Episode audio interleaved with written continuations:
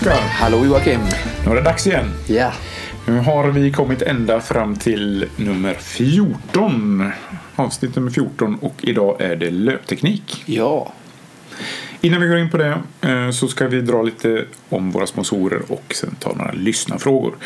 Ehm, Vi har sponsorer O23 Konditionscenter. Kolla hemsidan på o23.se. Bergatroll Media och Fredag Event och Kommunikation. Och så har vi eh, först en eh, kort lyssnarfråga som egentligen inte är någon lyssnarfråga för den kommer från mig. Eh, men jag har tänkt på det lite grann. Vi, vi har ju pratat eh, en del eh, om olika saker och då har du ofta nämnt det här med periodisering av träning. Ja. Eh, och jag måste faktiskt säga att jag har lite diffus bild av eh, exakt vad det är för någonting. Så jag tänkte du kunde, om du kunde bara berätta lite kort. Vad, vad innebär det att eh, periodisera träning? Ja. Eh, först måste man ju starta eller skaffa sig en start och slutpunkt på resan. Periodiseringen sträcker sig mellan A till B kan man säga.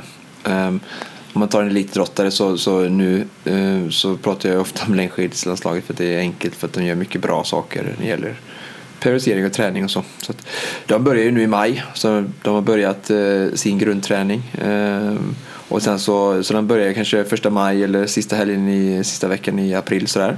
Och så sträcker den sig fram till sista tävlingen någonstans i mitten av mars. Slutet av mars. Så det blir ju, det- sen har de en, en off-månad i april då. Så går det i sådana cykler. Och sett över till den perioden då så, så periodiserar de träningen då. Och det periodisering är, är att man delar upp den här perioden i olika block och man tränar olika saker i de olika blocken. Utifrån när man vill prestera som bäst.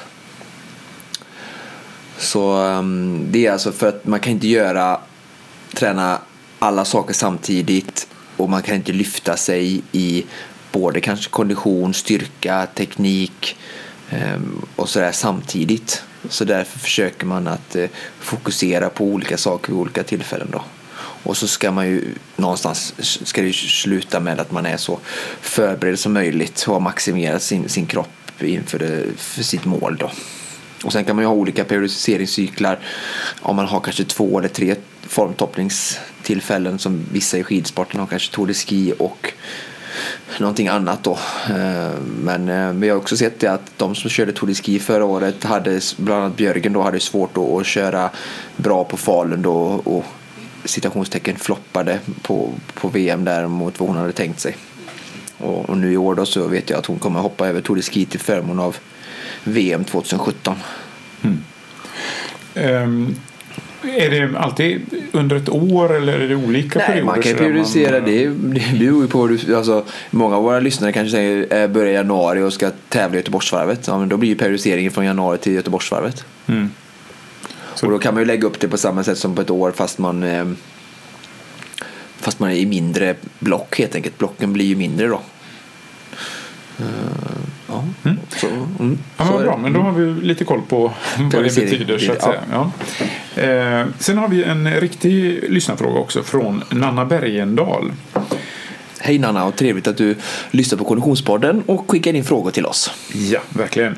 Eh, då ska vi se vad hon har att säga. Hej! Jag lyssnar på Konditionspodden och vill verkligen tacka för en intressant podd som har fått mig att tänka i nya banor. Eh, dock har jag blivit väldigt fundersam på Eh, hur man egentligen ska lägga upp träningen. Det pratas om pulszoner och låg respektive högintensiv träning. Själv har jag nog mest tränat på känsla innan och inte engagerat mig så mycket i begreppen. Eh, precis som ni nämner i podden så tillhör jag nog, precis som många andra, den gruppen som har för lite eh, har lite för många pass i höga pulszoner. Jag är ganska ny inom konditionssport och har tidigare mest hållit på med lagidrotter på lagom motionsnivå. Eh, sen två år tillbaka så har jag börjat trä, eh, träna och tävla i swimrun och en del terränglöpning. Jag tränar i nuläget 67 pass i veckan, så ungefär 7-9 timmar per vecka. Eh, det fördelas på två simpass, ett pass styrka och 3-4 löppass. Löppassen brukar per vecka bestå av ett intervallpass, ett långpass och övriga 1-2 pass mest vanlig löpning, helst i skogen. Eh, hur bör jag tänka och lägga upp passen framgent gällande pulszoner och låg eh, respektive högintensiv träning? Eh, vi har en liten extra snutt här fråga också. Som, eh, jag tar alltihopa så, så ska vi reda ut det sen. Eh, I morse tänkte jag eh, försöka mig på det nya begreppet lågintensivt löppass för att återhämta mig från söndagens långpass på tre mil samt eh, vässa formen inför nästa helgs eh, Såteledens terräng. Jag lufsade runt åttan i Skatos eh, cirka tio minuter långsammare än normalt. Men min pulsklocka tyckte ändå att jag hade tränat för hårt. Även om jag var knappt, knappt var svettig när jag kom i mål. Är det verkligen meningen att dessa passen ska vara så långsamma? Återigen, tack för en intressant podd. Hälsningar Nanna Bergendahl. Ja, vad säger du Oskar? Ja, ja eh, löst problemet. Jag kan ta den där. Ja. Eh, Ja, hej Nanna. Eh, Först får vi bara innan vi börjar att diskutera och försöka reda ut lite här hos Nanna så är det så att det här är väldigt individuellt. Eh, det är svårt att ge eh, exakta riktlinjer utan att veta. Jag har inte en aning om eh, egentligen hennes kapacitet. eller hennes arbetssituation eller, eller familjesituation och sådär. Så det är återigen, vi pratar om de här bollarna och det är det jag hela tiden när jag coachar människor försöker att balansera och jag får ju hela tiden så vi Eh. pratade lite grann om det i förra, eh, Ja. förra eh, podden då, om just vad som eh, fyller upp, en skål som fylls upp med olika bollar och när det rinner över så är det risk att man blir förkyld då. Eller, eller Ja, så. och när vi pratar om, om, om sån här typ av per, alltså, eh, träningsupplägg och, och belastning och olika typer av pass, eh, upplägg så blir de här sakerna väldigt relevanta då. Så att hur, hur ser den övriga eh, situationen ut? Och, ehm, men jag ska försöka sammanfatta lite generella eh, tankegångar hur man kan tänka ehm, utan att eh, specifikt ehm, säga att så här är det för alla utan det får vara lite generellt och sen så får man försöka ta till sig lite av eh, av det man tycker passar en själv. Men det viktigaste är att individen lyssnar till sin egen kropp och utgår från sina egna förutsättningar för att ja, individualiseringen tycker jag är det viktigaste i träningsläran. Ehm, det finns inga jag, jag, jag gillar inte när det kommer stora rekommendationer för stora grupper utan ehm, man måste se på hela bilden då för att göra så bra planering som möjligt. Men eh, eh jag är ganska ny inom konditionssport skriver hon. Eh, hon har hållit på med lagidrotter men två år så har hon börjat tävla i swimrun och terränglöpning idag. Jag tränar 67 pass per vecka. Um, simmar två, ett pass styrka, så tre till fyra löppass. Ehm, det känns väl eh, som en bra fördelning om man kollar på de passen här. Att det är två simpass och på vintern skulle väl hon kanske till och med kunna köra tre simpass och försöka lyfta simningen lite mer när det är tråkigare löpväder. Ehm, om hon vill fortsätta att bli duktig på swimrun så är det bra med med den. Och sen styrkan skulle hon kanske kunna ta bort till fördel av ett sim eller löppass nu under säsongen då för att, för att boosta det ännu mer. Och, och gjort ett bra styrkejobb under, under vintern då. Ehm, det är också en sån typ av periodisering då att hon, hon, hon fokuserar på styrka och bygga upp kroppen under off-season men sen styrka är ju väldigt, skapar ju stor muskeltrötthet och sådär så att inte hålla på med för mycket styrka under tävlingssäsong. Mm. Ehm, och sen då eh, hur ska jag tänka och lägga upp passen framgent gällande pulszoner och låg respektive högst? Jag får ju, utan att försöka bli, jag vill inte upprepa mig nu heller, utan det är ju lite så att jag känner att vi gick igenom lite detta när vi pratade om pulszoner. Och vi pratade de, de här olika och eh, vad, vad som är syftet. Och jag vill ju, jag säger ju att man ska, det är viktigt att man tränar i alla zonerna. Eh, för att du tränar i olika saker. Vi, vi tvåan som är som vi sa lokal kapacitet och uthållighet. Vi har det, liksom, den tröskel som är bra för att hitta bra eh, rörelseekonomi och bra kunna ligga i tävlingsfarten i zon 3 och 4 och sen 5-6 där vi har väldigt högintensivt och lyfter för kapacitet. Så att hon ska lägga upp sina pass eh, där hon försöker täcka in alla de här. Sen kan man periodisera detta över olika typer av veckor där man kör vissa fokus vissa veckor och andra fokus. Men det är också svårt att säga när hon ska göra vad för jag vet inte när hon tänker tävla. Nej, så, det. så det är jättesvårt nu. Jag vet inte var hon befinner sig just nu och jag vet inte vad, vad hennes mål. Ska hon tävla långt? Ja, då kanske hon ska ha mer fokus på zon 2 och 3. Och ska hon tävla lite kortare swimrun-tävlingar så blir det ett annat fokus. Och sen också är hon jättesnabb och explosiv så kanske hon behöver jobba mer med aerob, uh, aerobt arbete och är hon väldigt uthållig och väldigt upplever sig att hon behöver liksom öka farten i kroppen så behöver hon mer fartpass. Eh, så det, det, är väldigt svårt att, att, att ge som sagt eh, ett, ett, ett sagt recept på vad hon ska göra nu. Men det jag kan säga är så här att hon erkänner ju lite där att hon har tillhör de som har tävlat för mycket i, i, i någon zon. Så, så, så jag vill skicka med Nanna är ju att försöka att träna både zon 2 träna zon 3-4 specifikt, lär dig vad det innebär, ta hjälp och, och hitta det ifall du inte, om du känner dig osäker. Och sen 5-6 också. Och skilj på passerna, låt inte passerna eh, grötas ihop eller rinna ihop så att det blir, som, det blir antingen eller. Utan när det är zon 2 så är det zon 2. Gasa inte då. Och, eh, och när det är zon 5 så se till att vara utvilad så att du kan komma upp i zon 5-6 och köra riktigt hårt. Um, så att um, Ja. Lär dig att planera din vecka och bestäm vad passen ska vara för pulszon innan du kör passet. Och sen eh, när hon eh, sprang, ett lågintensivt pass så alltså lågintensivt får vi också då definiera för hon skrev ju att hon sprang ett lågintensivt löppass för att återhämta sig. Och är det ett, ett återhämtningspass som hon skriver då är det zon 1 då är det ju ännu lägre än zon 2. Zon 1-passerna är ju inte till för att öka uthållighet eller att vi ska bli bättre utan den zonen är ju så låg att den gör oss inte bättre på någonting. Utan den ger bara muskelgenomströmning för att som sagt, som hon skriver, återhämta sig bättre från ett långpass. Det, så det, det är mer eller mindre en, en lite förhöjd promenad fast, ja. fast du joggar väldigt, väldigt långsamt. Ja, precis. Och för vissa människor, nu är, det så här pass, är hon så pass tränad om hon har, har så här många timmar att hennes återhämtningspass blir ju ett lätt, lätt joggpass på under 60 procent kanske av VO2 max nästan. Och, um, eller ett lätt cykelpass. Det, Men för, för en människa som är väldigt otränad och joggar bara två gånger i veckan kanske så kan ju ett återhämtningspass vara som sagt en rask promenad då istället.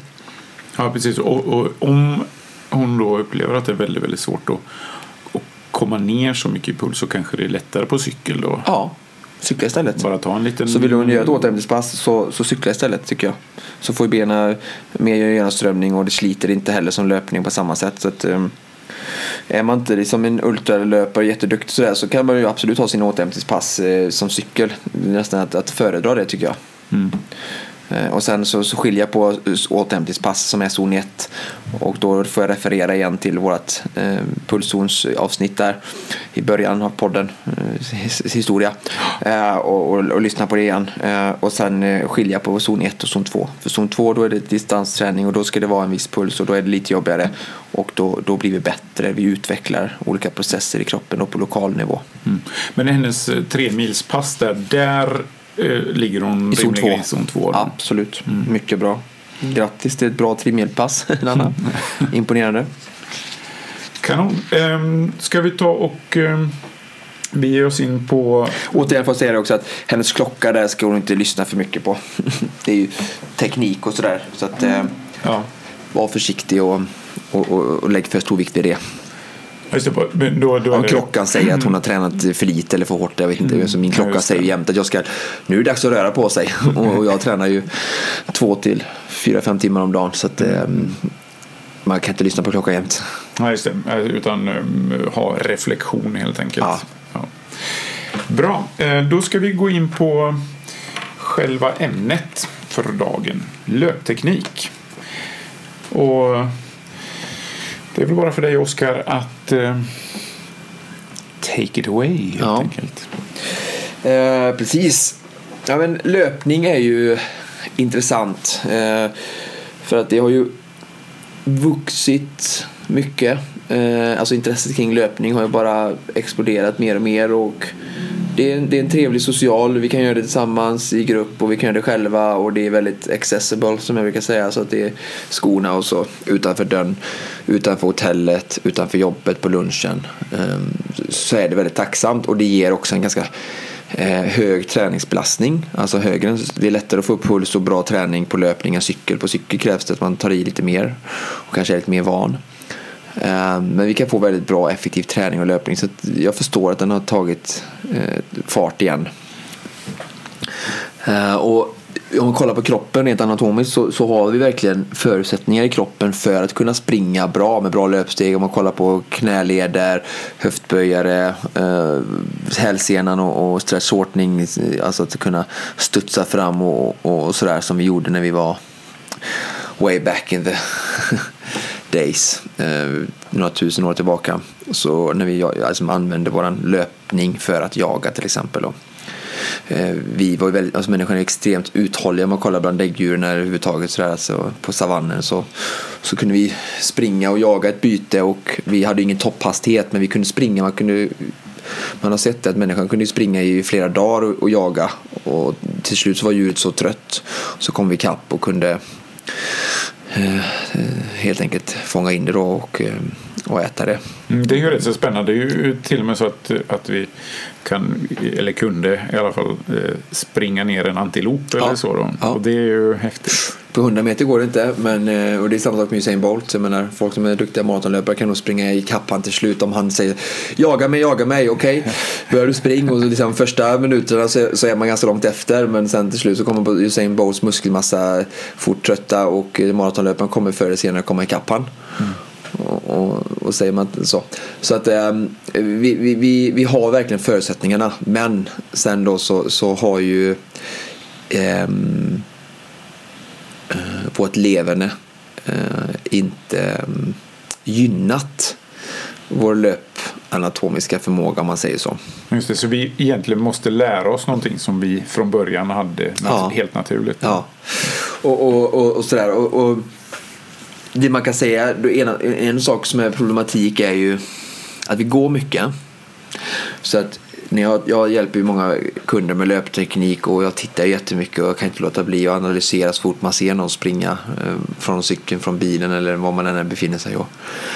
Det, det, det, man, det som är slående då och som är väldigt enkelt att förstå helt naturligt är att de flesta människorna springer som de går. Mm. Och det är ju spatserande, pendlande ben, man lyfter inte på fötterna utan man pendlar benen fram. Man har en fotisättning framför kroppen alltså fram, och framför sin tyngdpunkt vilket gör att man får en bromsande effekt.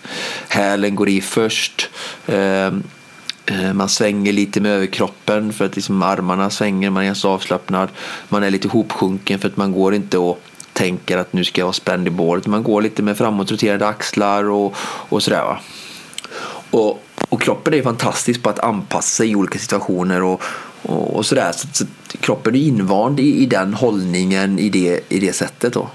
Och sen i kombination med att vi sitter mycket, så vi kopplar ur vår höftböjare, den blir kort och vi sitter liksom mycket ner antingen i bil eller i, eh, på kontorstolar och sådär.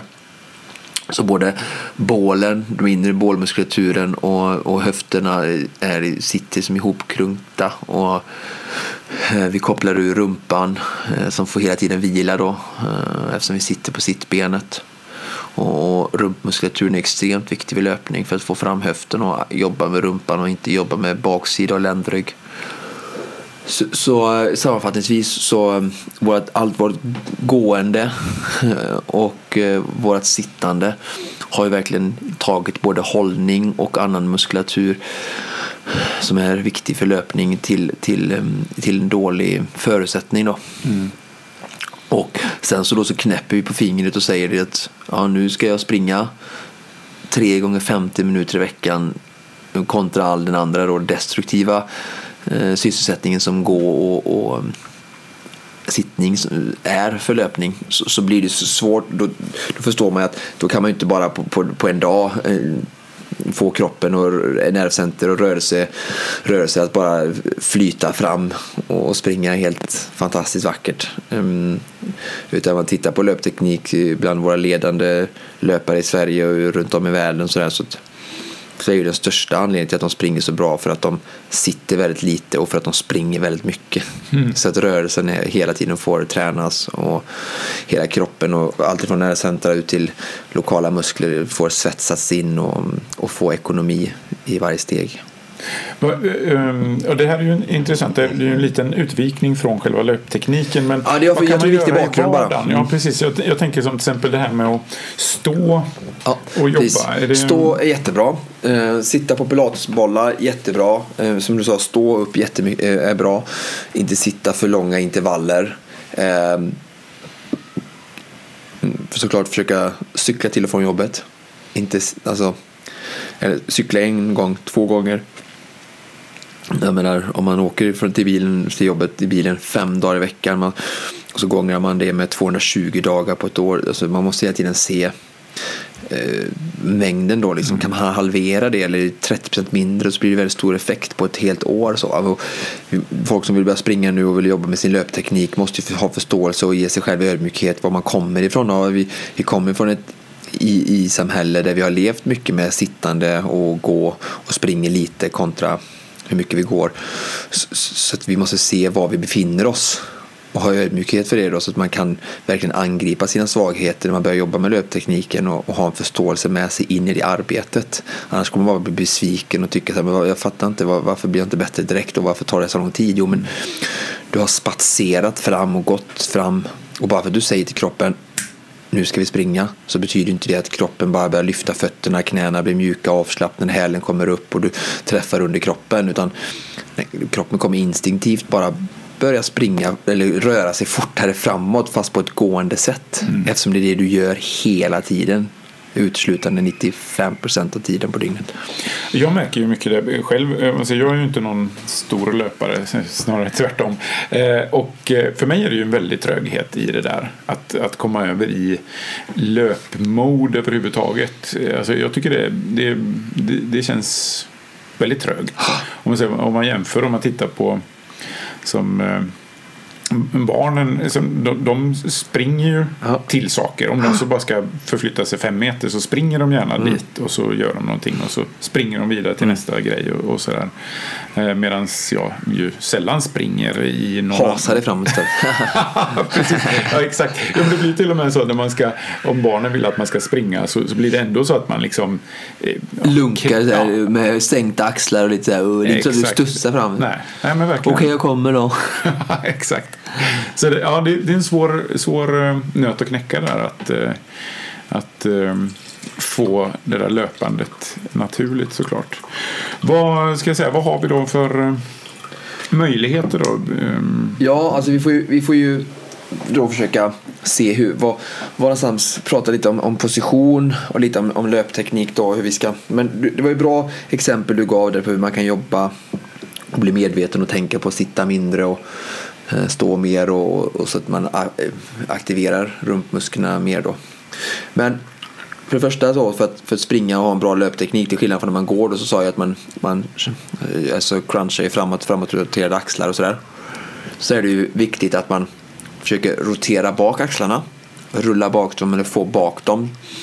Och på det sättet så får du ju bak din skapel, alltså dina bak, din ryggtavla, så den kommer bak, bröstet kommer fram så du får en bättre hållning, precis som mormor sa när man var liten. Sträck på dig pojk. Mm. Alltså, du, du ska vara en sträckt kropp.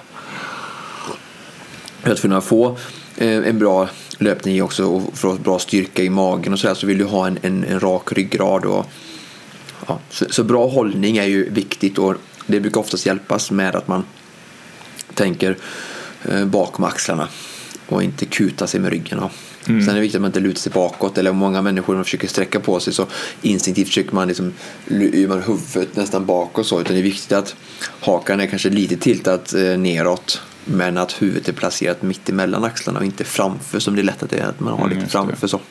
Är det lite grann som det där, jag vet, man eh, höll på och, och sjöng mycket och så skulle man tänka att man hade en tråd i ja. gässan som drog en rakt upp. Är det något liknande? Precis, det är absolut det. Jag tycker man har den själv. Jag försöker tänka den själv. Jag tycker det är så svårt att, att, att känna någon som drar mig. Det är bättre att man gör det på varandra då. Någon lo- Någon fysiskt som drar. tar tag i en i håret och drar lite. Ja, bara att man får känna på det lite. Ja. Behöver inte dra så hårt så det gör ont. Men, ehm, sen ehm, vidare då så har vi ju hållningen sagt väldigt viktigt. Sen är det ju viktigt med ehm, höften. Och där är det ju så att som sagt det sittandet jag sa är så dåligt för oss är ju att vi inaktiverar rumpan och har vi, man ser det många på varvet som springer och så putar rumpan lite bakåt och den är ju inaktiv då. Och det är lite för att den sitter mycket ner och vi är inte vana att ha en aktiv rumpa. Men vid löpning så behöver man jobba hela tiden med stjärten fram så att den liksom får höften i rätt läge kan man säga. Så rumpmuskulaturen ska få höften i rätt läge. Eh, Alltså fram då. Ehm, Just det, för hela höft, höft den tippar lite bakåt eh, så. om Automatiskt man, ja. eh, Mm.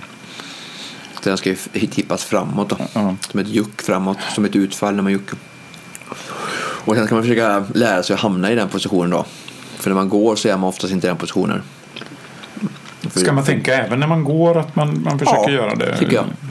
Öva och känn. Det handlar om att kunna ha kroppskontroll. Löpning är mycket kropp, kroppskontroll, teknik, koordination. Mm. Alltså det är ju en sak att lyssna på mig här vad det jag säger. Men det som verkligen gör skillnad sen det är om man kan ta till sig det jag säger på eh, det här avsnittet eller när jag har löpteknikspass och sånt där och kan sen omvandla det och säga till sitt eget nervcentra att, att hamna i den positionen. Det är ju det som är det svåra. Och det är klart, då får du ju hela tiden lite mikroträning i vardagen. Mm, ja, ja, du kan bära med Ja, hela all tiden. teknik då. börjar i medvetandet. Och sen armarna, viktigt att ha um, alltså, inte ha raka armar, ha en liten pendel med armarna, pendla med dem. Um, axlarna ska vara avslappnade, inte spänna dem. Många tror jag spänner upp lite den här eh, muskeln som går mellan axeln och upp i nacken, att man lite spänner sig lite. Jag brukar tänka att, försöka tänka att axlarna hänger ner mot marken så att de är tunga liksom, så att de är avslappnade och inte är ovanför nyckelbenet utan snarare försöker få axlarna under nyckelbenet. Ja, Just det, för det är ju, det är ju väldigt lätt att man drar upp axlarna, Ja. speciellt när man ska ta i lite grann. Sådär, att man, Och ofta är det så att om du biter ihop med tänderna eller någonting så spänns käken och då spänns nackmusklerna och så muskeln. Så då är det rätt att man får med sig det. Alltså spänns där då. mm. Och sen som sagt höften fram. Ehm, och sen benen då. Är ju, jag tror jag, som jag sa, vi pratade om det också, att vi går mycket. Så vi är vana nervmuskulärt och teknikmässigt att, att pendla fram med benet. Alltså om ni tittar, filmar någon så ser ni att de, man, eh, foten går från bakifrån och sen så går det som en, en rak en klockpendel fram och sätts i. Och så um, hamnar det framför oss. Men det är ju en väldigt dålig väg för foten att gå um, om du vill träffa under dig själv. Så vid löpning då som är en helt annan teknik än vid gång så ska du tänka hela tiden lyft, lyft eller upp, upp, upp med foten. Så eh, jag upplever att folk som springer de lyfter inte på foten utan de Ja, därför jag oftast rekommenderar jag traillöpning för där tvingas man hela tiden att lyfta på fötterna hela tiden för där kan man inte springa och pendla för då kommer du snubbla hela tiden. Så att det är ett bra sätt att öva och få in det eh, tänket att lyft, lyft knät, liksom lyfta på knät och foten och foten ska liksom lyftas uppåt, upp under dig. Sen kommer hälen upp bakom och, och sen kan du få ner och jag brukar jämföra det här lite med att när man ska ta på sig byxor så måste man ju böja i knät ordentligt för att få ner foten ner i byxan. Om du tar, på dig byxorna på morgonen. Det är samma sak här, att ska du få in foten under dig så behöver du liksom lyfta på foten ordentligt och du behöver böja på knät ordentligt. Du ska inte ha ett rakt knä. Många sätter ju i benet med, med, med, med rakt knä under sig, eller framför sig. Okej, så det ska vara lite lätt böjt när man landar. Ja. Mm. Och foten då ska sträva upp mot häcken Ja, egentligen. ja. Då, när, i, Ja. när man tar upp det från Ja. marken liksom, så, så ska det...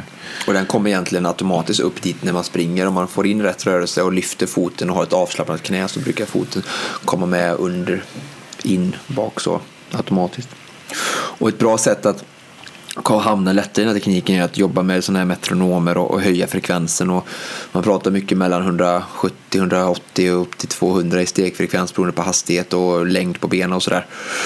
Så det, att jobba hela tiden med en högre frekvens och då kommer det bli så här att man känns att det är jätteobekvämt. Och det är klart för att om vi tänker som jag sa återigen, du tyckte vi kom av ämnet men det var viktigt att ge en bra historia tyckte jag, en grund inför tekniken att, och se var vi kommer ifrån och se att vi kommer ifrån en, en mängd träning igång eftersom vi går mer än vi springer, det vet vi per facto. Så det är klart att det är väldigt lätt att förstå att den frekvensen vi jobbat in där känns ju naturligt. Jag vet det när vi håller på med, med simning, med simcoaching, vi övar och försöker höja frekvensen för att få en högre simning så känns det ju obehagligt för att om man har simmat i tio år i en viss armfrekvens så ska du helt plötsligt öka den. Då känns ju det man kan ofta uppleva liksom trötthet och då brukar jag ofta säga liksom att det beror oftast på en trötthet i nervcentret för att vi inte är vana att skicka signaler i den hastigheten för vi har vår kadens eller hastighet, frekvens. Och samma sak på cykel och mycket annat. Så det här kommer kännas oftast obehagligt. Folk springer så hög frekvens som jag säger springer här. Och det här känns jätteonaturligt. Mm. Ja, ja, men Eh, betyder det att det är löpteknikens, eh, eh, löpteknikens framgång det är fel på eller är det bara att du har gått för mycket och att löpning och gång är två olika saker som är felet? Så att, det är det att vi kan inte jämföra gång och löpning, det är helt två skilda aktiviteter. Och vi måste lära oss att skilja på dem när vi gör det också. Då, så att vi, vi försöker springa som man springer och går som man går och inte försöka springa som man går. Mm. Um, och, så, men frekvensen är ett väldigt bra sätt att, har jag sett, att, att jobba med för att få mer lyft och, och mer komma in under sig. För att, gång och spatserande det är ju som sagt en, en lägre frekvens, det är du med på. Mm. Ja, det, det är ju också intressant just därför att um, man pratar ju både om då steglängd och uh, frekvens, då, alltså hur många steg per tidsenhet.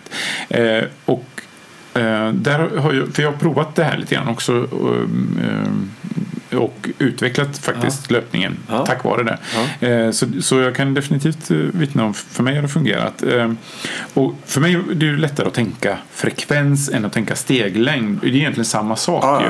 Och så kommer man ju även in på det där lite grann med tåisättning. För tåisättning kommer ju också automatiskt då med att man har en, en, en högre frekvens. Tå vet jag inte, men, men fram Nej, men, och ja, mellanfot. Ja, ja, precis. Mm, precis. Och så är vi också tydliga att jag vet att eh, många eh, det är helt riktigt att mellanfoten och framfoten ska träffa marken först. Eh, men att hälen också ska ner och toucha någonting, om än väldigt lite såklart, för att annars trampar man igenom steget. Men många tar ju den här framfotelöpningen till sin spets och så glömmer av hälen och sätter inte mm. i hälen och mm. det blir också fel. Då får man oftast överbelastningar i vaden och sådär. Så att hälen och hälkudden har en viktig funktion. Mm. Dock behöver den inte träffa marken först kanske och den behöver inte vara i marken så lång tid. Men att ta upp lite belastning och komprimera är bara sunt. Annars som sagt får ju vaden för mycket ansträngning ofta så folk som har sprungit sig framfotelöpning har fått gubbvader och annat. Mm. Ja, men det, ja precis och det där är ju alltid eh, på något sätt eh, lagom korvar är bäst. Ja eh, precis. Det är och lite, ja. så att det blir när, och missuppfattningar kan ja. Men när man kommer uppstå. med en ny grej så blir det oftast liksom taget till det extrema. Jajamän, helt riktigt. För, för det man kom ifrån innan det var ju att man hade, jag vet jag köpte några eh, skor som hade roll bars liksom, för att man skulle landa på liksom, ja, eh, precis. hälen. Så de ville och rulla fram så? Ja, så, så, och det var ju inte så länge sedan. Eller ja, nu Nej. är det väl kanske 10-15 år sedan. Men det, det är ändå i nutid så att säga. Ja. Eh, som, som man hade helt och hållet. Att man gjorde skor på det sättet så att säga. Eh, för att man ville det. Eh, så att, eh, då, då, då hälsenans eh, fjong eh, fjongpillipong, eh, alltså, alltså frånskjut försvinner ju då liksom. Mm. Alltså om du landar foten här så, eh, där och så kommer hälen i bonk så kan du liksom studsa iväg hjälp av hälsenan. Det är det som är mm. stretchortningsmetoden, det är det som är tanken med hälsenan, att den ska vara elastisk och kunna skjuta ifrån så här, bam, bam. Det är så de gör när de hoppar tre steg också. De rullar ju inte fram och hoppar. Uh, för att om du rullar fram där så då är ju hälsenan uh, i luften och du, då får du trycka ifrån med framfoten. Mm. Då har du inte en aktiv hälsena utan du landar ju där. Ja, nu, nu visar du, fram, att man landar på fram, framfoten, och sen kommer ner och studsar, med hälen och sen studsar upp igen. Precis. Så du får en elastisk okay. Eh, gummisnoddseffekt ja, Som hela tiden bara gång, gång, gång, gång ja. fram då va?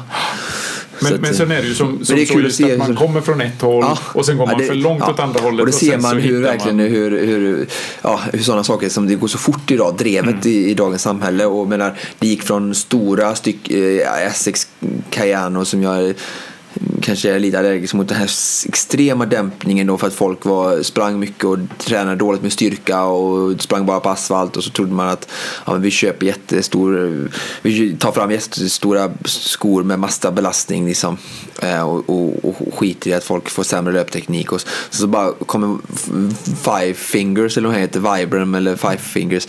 Alltså det är också så här natt och dag va. Och det är så här barfotalöpningsskor Exakt. då, som, ja.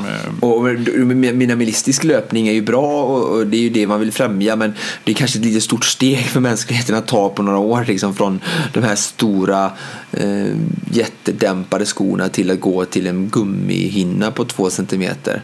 Mm. Eh, det är ju onaturligt va? Ja, nej, men det, det, är ju, det är ju alltid så pendeln slår fram och tillbaks Ja. ganska Ja. eh, ohejdat ibland. Ehm, ja, ehm, nu kom vi ut på en liten sväng om här. Ja, men var var, var, var vi... Vi var vid, vid att öka frekvensen för att få ner foten in under sig. Just Och, och sådär va. Tänka på hållningen och sen så är det så att man vill eh, ha en liten lutning framåt. Mer luta sig framåt än bakåt. Och luta sig framåt med hela kroppen. Från höften upp till huvudet. Men inte många lutar sig framåt. Så kanske man lutar fram axlarna eller så lutar man fram huvudet så här. Men det ska vara en rak linje från örat via axeln ner till höften. Ehm, och sen med hela det paketet, om du tänker att du har en kratta in under t-shirten ner till svanskotan och så upp till nacken eller upp till huvudet. Och så lutar du eh, så då. Ja. Och när man letar efter den känslan då, då är det eh, gissar jag ännu viktigare då att tänka att man trycker fram höften så att Ja, det ja, inte visst. blir en Ja, fällknivs... exakt, så då blir ju rumpan bak och så kopplar vi ur rumpan och så får vi ont i ländrygg och baksida. Så det är väldigt viktigt att först fram med rumpan och sen luta framåt och så försök ha en liten lutning framåt hela tiden så att du har ett driv framåt med eh, tyngdpunkten. Så inte tyngdpunkten är helt rakt upp för då blir det mer att du studsar upp och mer också. Då får man mycket vertikal rörelse det vill man inte ha. Alltså att man studsar mycket upp och ner. Så det är också ett tips att man kan springa på löpband inne inomhus med en spegel framför sig och, och se, sätta en tejpbit på spegeln och se hur mycket rör sig toppen av mitt huvud ovanför tejpbiten när jag studsar fram på löpbandet. kan man laborera lite med det och se om jag lutar mig framåt och fortfarande ha ett bra driv och inte rumpan bak kan jag, kan jag få mindre vertikal rörelse och liksom hålla tejpbiten ovanför huvudet hela tiden istället för att huvudet studsar upp ovanför tejpkanten och som någonstans är man, man sätter liksom i, i där man är som högst eller som där man, där man, sin längd alltså. När man står stilla. Mm. Och ehm, ja, men det var en liten allmän genomgång. Jag hade några snabba frågor. Vilka är de vanligaste felen man gör? Vi har ju för sig kanske gått igenom en del, men, men har du några sådana här små pinpointers liksom som... eh, Ja, lite, några fel är ju när det gäller löpteknik att man övar för lite. Mm. Eh, man vet kanske inte vilka övningar man har. Man behöver strukturerat eh, teknikprogram kanske och jobba mer aktivt. Så ett problem är att man kanske övar för lite teknik. Eh, kanske ibland att man skulle kunna springa mer traillöpning för att som jag sa öva på, på att lyfta. Eh, vad gör man mer för fel? Mm, man... Eh, Jag tänkte, du var ju inne på ehm, svårt vid att... nå- någon annan tillfälle just det här med, för jag tror att det var något av intervall ehm, sammanhangen där att vi snackade om just då, om man springer fort att det är lättare att få en bra Ja. teknik. Ja, och, kanske mer medveten. Alltså, det är viktigt att, att, att många kanske gör fel. Man slappnar av för mycket på zon 2 och långdistanspasserna. Men försöka vara medveten om sin teknik i alla löpsteg man tar på en vecka. Mm. Och hela tiden vara eftertänksam och försöka hamna i, i bra teknik med en aktiv rumpa, fram med höften, bra hållning, hög frekvens, hög stegfrekvens även om det känns onaturligt, även i låga hastigheter. Mm. Ja, ehm, Och sen styrka är ju också bra för löp, alltså rörligheten. Alltså det är också något fel, eller inte, men, då, men någonting folk inte gör. Även kanske just att jobba med att sträcka ut höftböjare um, och göra, liksom, sträcka ut framsida, baksida och, och få musklerna att vara um, i sitt rätta Eh, i sin rätta längd. Mm. Eftersom som jag sa att vi sitter mycket och det blir korta oftast höftböjare och sådär. Så Just det, vi hade ju ett, ett avsnitt om, om rörlighet och mm. då kan man ju kanske kika lite. För då la vi ju också ut på eh, Facebook-sidan ja. där några bilder med, med lite allt, intressanta övningar. Och, ja. Ehm, kan alla få ett bra löpsteg? Självklart. Absolut. Alltså alla har ju olika förutsättningar och kanske inte alla kan nå det perfekta och nå eliten eller sådär. Men, men alla kan ju få ett bra löpsteg såklart. Mm. Med rätt hjälp utefter sina förutsättningar med lite gedigen och hårt jobb. Alltså det är så, allting krävs ju mycket träning. Jag menar löpning, bara för att det är en motionsidrott så tror vi att, att man ska kunna lära sig det genom en föreläsning eller att man lyssnar på någonting eller man tränar lite grann då och då. Men jag menar om någon säger så här, men kan alla bli bra på, eh, vad heter det? och bli isprinsessa och hoppa och snurra och göra piruetter. Men det är klart man kan lära sig det. Men i många timmar. Mm. Och så är det med löpning också. Det, det, är nog lite mer komplex sport än vi vill erkänna och tro för att det är en sån himla lätt och bra motionsform och alla kan göra det. Så då tänker man att ja, men det går väl att lära sig fort. Fast så enkelt är det inte. Löpning är ganska komplext och det, det tar mycket träning. Men tålamodet är dåligt och intresset kanske inte alltid är på topp utan man mer tränar löpning för att det är just en väldigt bra motionsform och enkel att, att uh, komma till. Och då är man mer inne i det här allmänna konditions...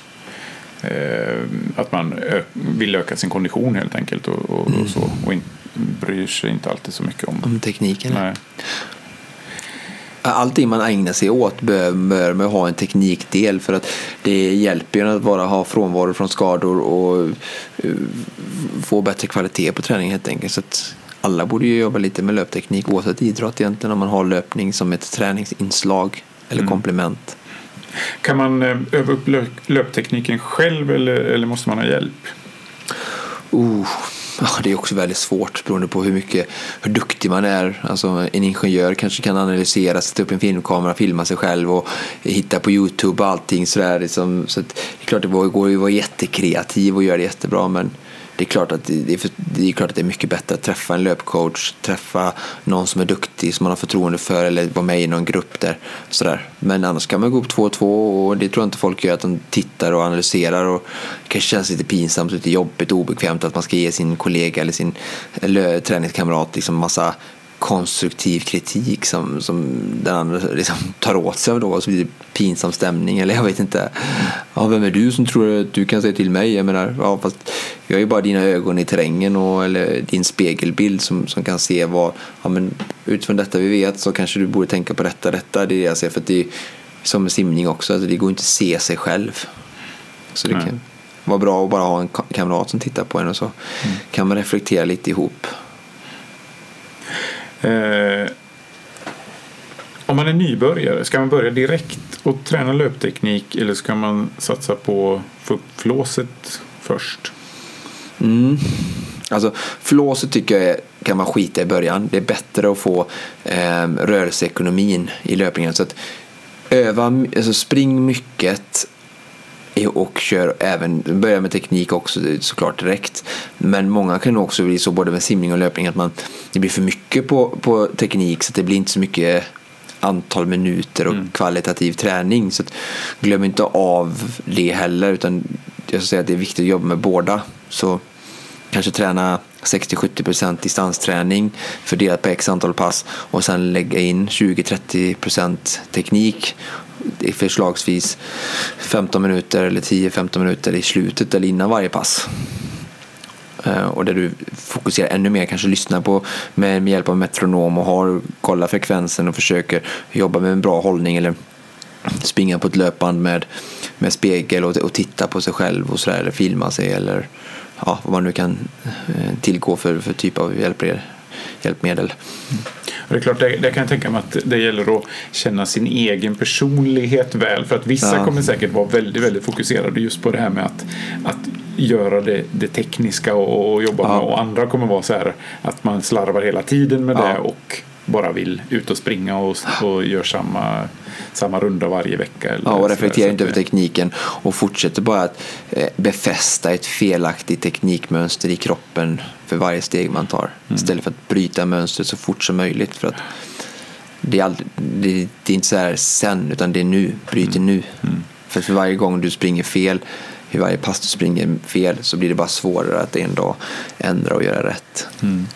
Så där, men där, det är ju beroende på hur man, vilken personlighet man har så kom, kom till mitten så att säga. Ja, precis. Gör, Eh, gör ja. lagom mängd Beroende av på personlighet så kommer man ju precis möta olika utmaningar att ta sig förbi. Ja, ehm, då tycker jag att vi har eh, tömt ut eh, eller tömt ut, det är väl... Tömt ut, ut. Det kommer men- tillbaka ja. mer och vi ska Ja. begynna mer personer säkert någon gång som, som kan prata det. Men vi gav lite bakgrund och jag tycker Mm. vi eh, skickade med liksom lite bra eh, tankegångar man kan ha med sig när man ska jobba med sin teknik, eh, vare sig själv eller med, med hjälp av andra. Ehm, och, och lite viktiga saker liksom, att ha med sig tror jag är viktigt i en bakgrund där. Liksom se var vi kommer ifrån, se vad saker och ting beror på. Och, ja, lite mer filosofiskt tror jag vi gav idag och så lite hands-on saker att tänka på. Ehm, så jag tycker det var en bra ingång. Som sagt, Vi ska inte göra det för långrandigt. utan Jag har valt ut det jag tycker var viktigast att få med idag. Och så blir det liksom början på reflektion hos våra lyssnare gällande löpteknik. Så kommer vi säkert komma tillbaka och många kommer att träffa mig och, och, och ni kommer fortsätta jobba. Så att, ehm, det, var tror jag det var en bra lagom start. Mm. Jobba på det, de eh, tipsen som vi fick till oss idag och sen så, så återkommer vi med mer avancerade saker senare. Eh, jag tänkte fråga dig lite grann som jag brukar fråga dig. Eh, har du några bra tips på eh, kommande tävlingar, event och annat? Ja, vill du hjälpa mig lite här nu och se när, vilket datum kommer det här avsnittet att släppas? Ja, då ska vi se. Eh, ja, så vitt jag kan se så är det den 26 maj vi släpper det här. Ja, Eh, då får, vi titta lite framåt i planeringen här så man har chans att kanske boka in det. Men eh, lördagen den 4 juni så går ju Skatos ryggar i Göteborgs och Skatosområdet där. Eh, trevligt traillopp. Just det, det har jag hört talas om ska vara riktigt ansträngande. Ja, va? fem stycken lite så här eh, kullar i Skatosträngen man ska, med brantar man ska bestiga upp och ner. Då, så att det är trevligt. Sen har vi ju eh, eh, Stockholm Marathon går ju den eh, 4 juni i Stockholm. Så att, eh, om man inte springer och det är väl fulltecknat nu så får man ju ut på gatorna och heja. Eh, sen går ju det här eh, Toughest som har blivit hinderbanslopp som är populärt. går ju också i Stockholm den 4 juni. Kanske man hinner tävla där och sen gå ut och titta på när löparna springer runt stan. Det är det som är toughest Viking eller, eller har Ja. de tagit bort Viking? Eller, nej, det heter... Nej, det heter Toughest bara. Ah, Så, okej. Är det sam- är det jag tror det är som- olika. Jaha, jag är dålig på det. Ja. Men jag tror det heter bara Toughest. Ja. Eh, sen finns det ju Alingsåsloppet. Den går i Västergötland. 10 km lopp tror jag finns både 5 och 10 km 5 juni söndag. Eh, sen har vi triathlonlopp i Sövde nere i Skåne. Eh, för de som bor söderut som går den 5 juni. Det finns det både sprint eh, distans och eh, halv eh, Ironman distans. Eh, sen har vi ju blodomloppet som kommer till Stockholm. Vi sa ju, tipsade i förra avsnittet om blodomloppet i Göteborg den första juni. Men sen kommer det även till eh, Stockholm här den 8 juni. Mm, en onsdag och även på torsdagen där. Eh, sen den 6 juni, eh, en, eh, en måndag där, så har vi, det är ju nationaldagen, då har Örebro sin eh, halv Ironman. Eh, för, för tre atleter som, som är sugna på det. Ehm, sen så har vi ju ehm, Silja Rund som jag tipsade om sist som är ett trevligt eh, motionslopp för cykel som går lördagen den 4 juni. Kanske passa på att åka upp till Dalarna nu när det är långhelg där. Vi är väl en röd dag på måndag den 6 juni tror jag nu. Just det. Hur, eh, hur långt är det eh, runt Siljan då? jag tror det brukar vara 16 mil men det finns nog ett, ett, ehm, ett kortare ehm, lopp också. Låt mig eh, se här. Ehm, Ja, det finns ju tror, tre olika distanser. Det är ju en kort variant på 70 km, en på 12 mil och en på 16 mil. Så att någon av de kortare distanserna, alternativt den långa, skulle vi kanske kunna vara bra uppladdning för de som tänker köra Vätternrundan som sista långpass. 4 juni inför Vättern, den 18 tror jag den går i år. Så att, eh, ja, trevligt lopp. Jag har cyklat i väldigt fina sjöar där i Orsasjön och fin miljö. Eh, gott. Eh, då hade vi lite olika tips där och det är ju spännande inför eh, inför eh, Vätternrundan där för nästa avsnitt blir ju, då ska vi ha besök av Rickard Larsen som är eh, proffscyklist Ja. och tävlar för Team Treberg som är proffssatsande eh, cykelstall här i Sverige och han är göteborgare också. Det är ju ytterligare ett plus. Eller hur? Eh, Så det blir skoj. Det ska bli Jättekul. väldigt spännande. Det blir eh, lite allmänt cykling och sen kanske lite specifika tips inför Vätternrundan också. Ja. Eh, Så ska vi säga våra kontaktuppgifter som vanligt eh, och be er höra av er. För det är ju det som är riktigt skoj är ju när ni kommer med frågor och tips och idéer så vi får eh, ha kontakt, direktkontakt och eh, svara på det vi kan och tipsa om det vi kan och så. Och då når ni oss på konditionspodden gmail.com eller på Facebook när du bara söker på Konditionspodden. Eh, och i övrigt så är det väl bara att säga tack för idag. Tack så mycket Joakim. Vi hörs. Vi hörs.